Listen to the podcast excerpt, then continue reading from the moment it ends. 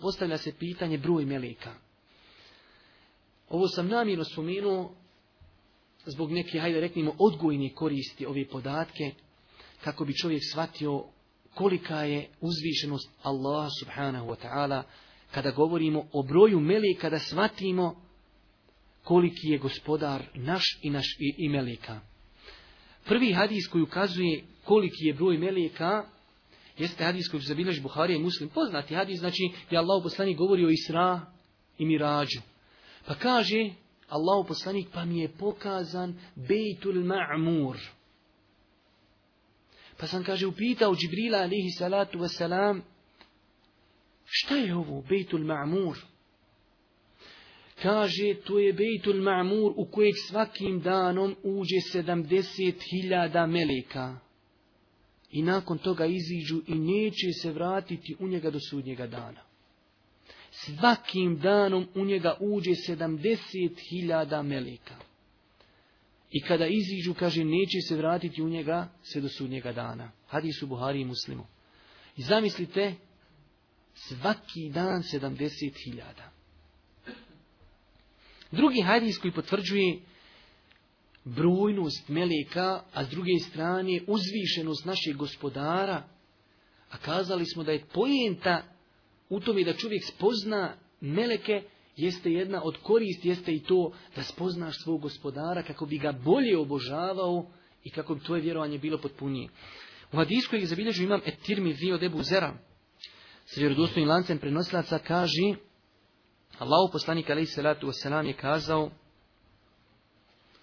jedne prilike kaže, ja vidim ono što vi ne vidite. I kaže, ja čujem ono što vi ne čujete. Ali poslušajte sada nastavak Hadisa. Kaže, zastenjalo, zaječilo je nebo. Ječe nebesa. Ali Allah poslanik čuje, kaže, ja čujem ono što vi ne čujete, ja vidim ono što vi ne vidite. Kaže, nebo ječi, stenji. Bukvalan prijevod stenji. A kaže, ima i pravo da stenje i da ječi, jer kaže, ne postoji na nebesima prostor koliko četiri prsta, a da na njemu nema melek koji čini seđdu ili na ruku ili na seđdi. Znači, da obožava Allaha.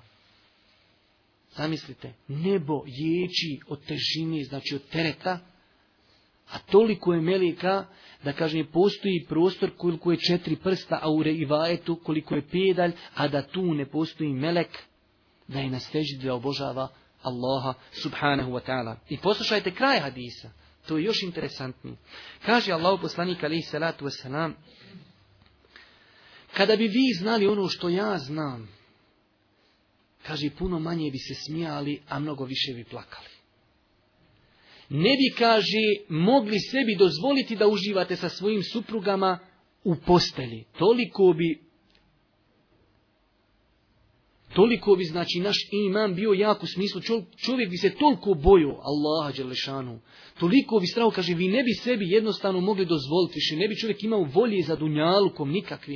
Kaže, vi se uopšte ne bi sa svojim suprugama mogli naslađivati u posteljama. Već, kaže, jedino što bi mogli izlazili bi, kaže, u podnožja brda i molili bi Allaha. To je jedino što bi mogli kad bi znali ono što ja znam. I kada bi vidjeli ono što ja vidim. Hadisi znači da bilježi imame Tirmizi i drugi, od Ebu Zerra sa vjerodostavnim lancem prenoslaca.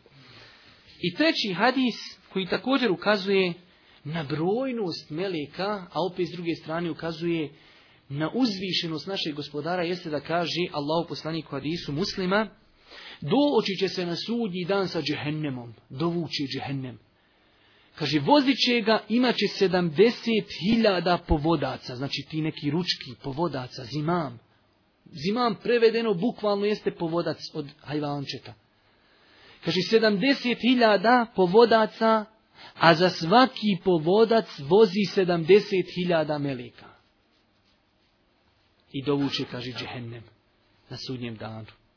I sada pomnožite 70.000 puta 70.000 pa ćete vidjeti koliko će, koliki ćete broj dobiti. I zadnja činjenica koja ukazuje na brojnost melika jeste... Svima je poznato da svaki insan, u svakog insana postoje dva meleka koji pišu dobra i loša djela. Či znači, sada koliko ljudi na zemaljskoj kugli ima, pa onda puta dva. Sve su to činjenice koje potvrđuju brojnost meleka i da njihov broj ne zna niko osim uzvišeni Allah, kao što kaže uzvišeni Allah, a vojske tvoga gospodara, meleke ne zna niko osim uzvišeni Allah subhanahu wa ta'ala.